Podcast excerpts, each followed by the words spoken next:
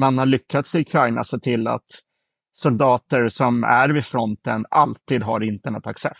Idag handlar det om den kanske okända hjälpen från Sverige, om hur vi inte bara stöttar Ukraina med granatgevär och stridsfordon, utan också ser till att deras internetkommunikation alltid funkar, oavsett hur många bomber ryssarna använder för att försöka slå ut den. Jag heter Rickard Sandenskog och det här är Dagens Tech Sveriges största dagliga podcast om Sveriges techbransch. Paff kallas han av alla sina vänner, Patrik Fältström av alla andra. Ja, han är en megakändis i internetkretsar globalt. Han har varit med och skrivit många av de standarder som gör att internet funkar som det gör. Till vardags är han på Netnod, ett svenskt bolag som bygger infrastruktur och som har kunder i hela världen. Och när Ryssland startade sin fullskaliga invasion för två år sedan så har de varit med och stöttat de ukrainska myndigheterna med att också vinna cyberkriget. Paf börjar med att gå igenom vad som hände den 24 februari 2022. De låg relativt bra till vad gäller just tillgänglighet och eh, framförallt så var det ju väldigt kritiskt de första dygnen när Ryssland medvetet i samband med invasionen på just den 24 februari, när de just attackerade internetinfrastrukturen väldigt kraftfullt för att man i, de, eh, i Kiev och i de västra delarna av Ukraina så skulle man inte veta vad som egentligen hände i den östra delen. Och det där är ju någonting som man hanterade väldigt, väldigt väl. Hur man helt enkelt hanterade det första krigsdygnet.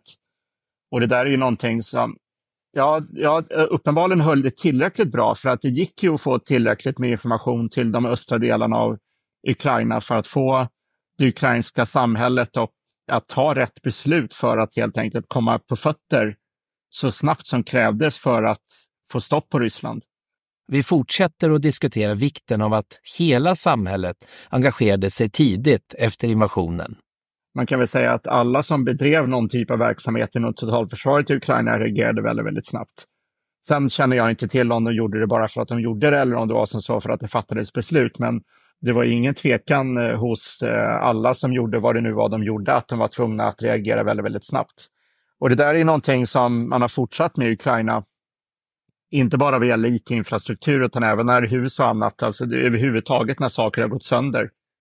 Och det där är någonting som jag har följt en rätt intressant diskussion här i Sverige också och i resten av världen där man har tittat på den ukrainska kulturen jämfört med andra kulturer. Och då, då man har en generellt, så generellt i Ukraina så verkar man eh, ha en syn att är det så att något är sönder så måste det lagas med en gång. Och, och det där gör ju att eh, saker och ting inte tillåts, tillåts vara trasiga. Och det gör ju att listan över saker som behöver fixas är, är så kort som det bara går. Och det spelar ingen roll om det är internetinfrastruktur eller ett hus som går sönder.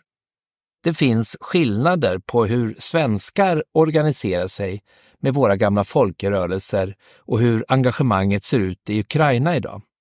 Jag frågar Paf just om hur det där kollektiva ansvaret för försvaret plockas upp av medborgarna. Jag skulle vara lite försiktig med att säga att det är ett kollektivt ansvar. Det är ett kollektivt ansvar, men det är absolut inte kollektivt som i Sverige. Om man jämför med till exempel i Sverige så har vi hur, pass, hur mycket olika föreningar som helst, som alla i Sverige är med i olika typer av föreningar.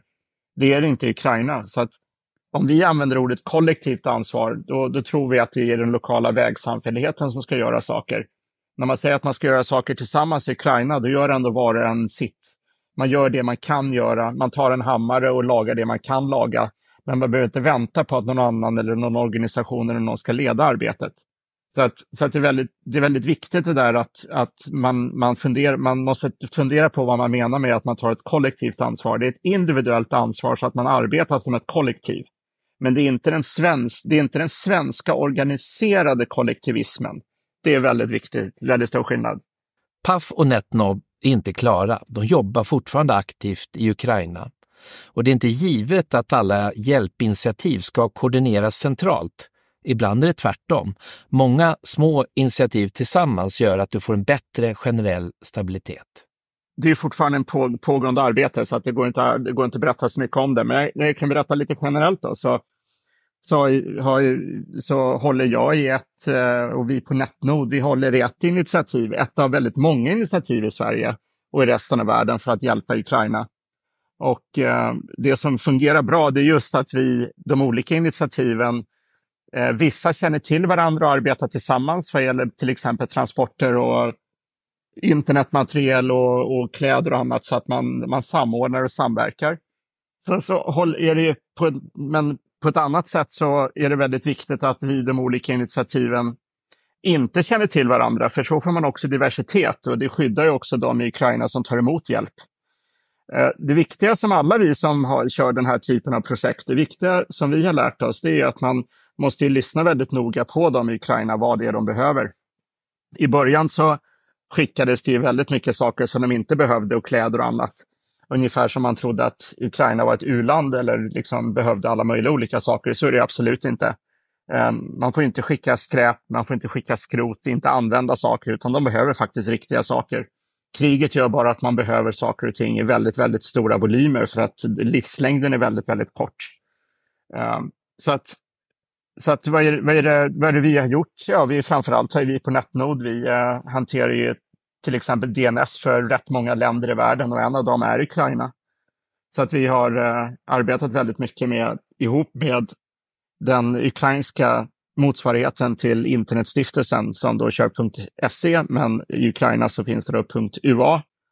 Så då har vi arbetat tillsammans eh, med andra aktörer i internetvärlden för att se till att att den är uppe och går. Så det är allt ifrån att det går att registrera domännamn och att man håller reda på vem som har vilket domännamn, att det går att göra förändringar, att DNS är uppe och går, att det registreras zonfiler, att, det, att den står emot ryska attacker, att den signeras med dns och sånt där. Så att det är ett exempel på en sak som, som just vi, vi gör tillsammans med andra. Sen är, sen är det som sagt, det är väldigt, väldigt viktigt där att, och jag tycker det är väldigt, väldigt bra att vi är många olika initiativ vi har ju mer välkända är naturligtvis blågula bilen och sen har det Sweden Rescuers. Det finns ju många olika, väldigt många initiativ i Sverige och sen uh, Keeping Ukraina Connected som är en annan, en annan europeisk initiativ. Så att alla vi känner till varandra och, och, och samarbetar där vi kan samarbeta.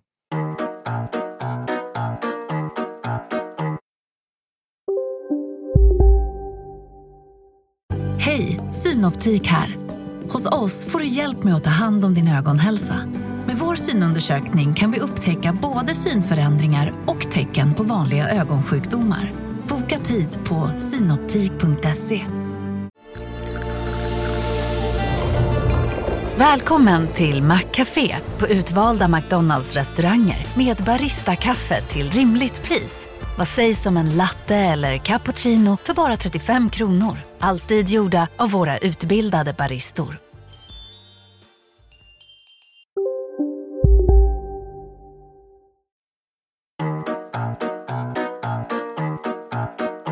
Som i alla krig så accelereras utvecklingen.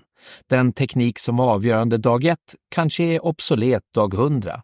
Så behoven vid fronten skiftar hela tiden. Det är, det är riktigt och, det hör också ihop med att det är väldigt viktigt att hålla reda på när man ska hjälpa till på det här sättet utifrån att man håller reda på vad det är de behöver för någonting. För vad som behövs har ju ändrats väldigt mycket bara under den här korta tiden, relativt korta tiden som kriget har pågått. Just beroende på att det sker innovation i Ukraina, inte bara vad gäller materiel, utan också vad det är för någonting som de därmed behöver, men också processer, hur de distribuerar materiel, deras egen interna logistik, den utbildningarna som de själva gör i Ukraina och den typen av samarbete som de själva behöver. De har ju till exempel byggt upp olika typer av cyberförsvarsinitiativ i Ukraina som, där det finns olika organisationer i Sverige som samarbetar med, där vi också från Netno deltar. Så att vad som hjälper en månad är inte riktigt samma nästa månad. Det är väldigt mycket, väldigt höga volymer på sånt som går åt vid fronten.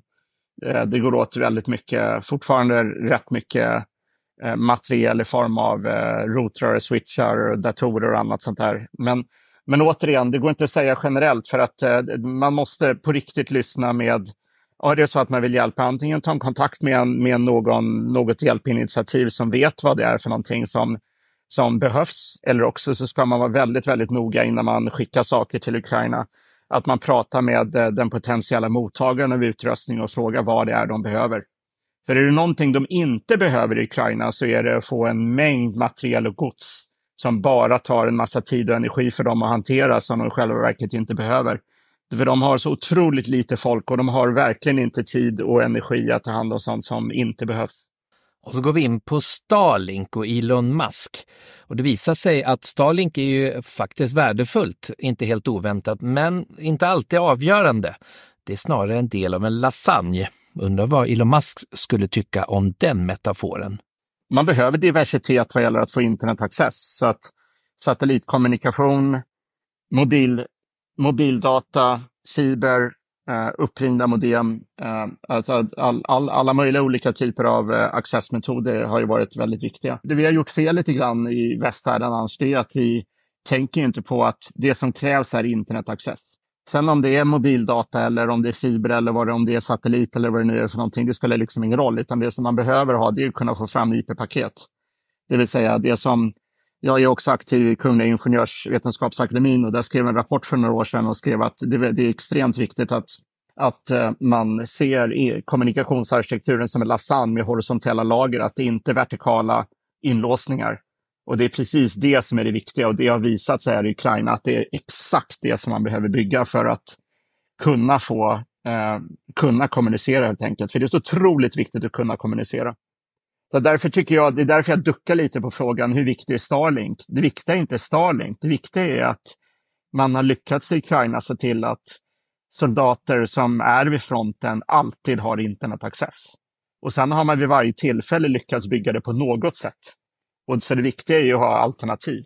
Både multipla internetoperatörer, multipla mobiloperatörer, multipla satellitoperatörer. Allt, allt är bara så mycket man bara kan. För det är så mycket som är sönderslaget så att man måste se till att det finns internetaccess på något sätt. Jag är väldigt ledsen själv att det inte var jag som kom, åt och kom på ordet lasagne. Så det, det, det, för det är så, precis som du säger, det är så otroligt bra ord som man inte glömmer. Och det, det, är, det är på riktigt det som är det viktiga. Och till slut så är det ju samarbetet som är avgörande, både för att internet ska funka och för att samhället ska klara sig. Alltså in, internet är, en, är ett grupparbete. Det det man måste komma ihåg det. Man måste, det, saker och ting ska funka och var och en måste göra sitt. Och det är det man har lyckats med i Ukraina. Grupparbetet. Ja, om ni är nyfikna på Paf och Netnod så finns det länkar i show notes.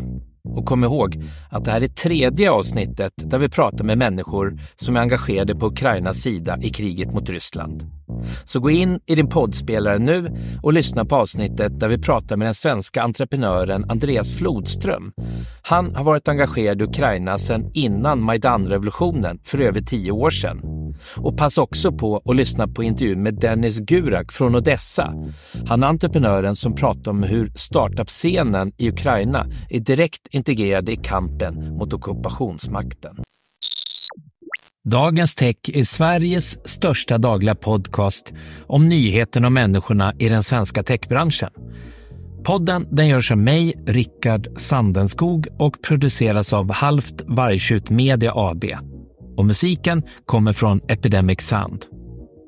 För att hjälpa oss med podden så skulle vi bli glada om du gjorde två saker.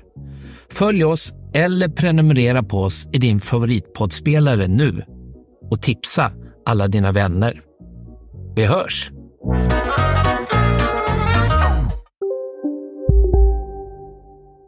Big Mac har miljarder fans över hela världen. Under mer än 50 år har den skapat popkulturell historia. En legend med 100% nötkött och den mytomspunna såsen. Nu finns Big Mac för bara 39 kronor på McDonalds.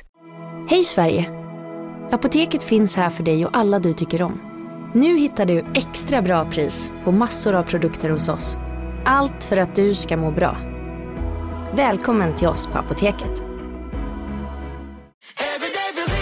Som medlem hos Circle K är livet längs vägen extra bra. Just nu får du som ansluter dig 50 öre rabatt per liter på de tre första tankningarna och halva priset på en valfri biltvätt. Och ju mer du tankar, desto bättre rabatter får du. Välkommen till Circle K.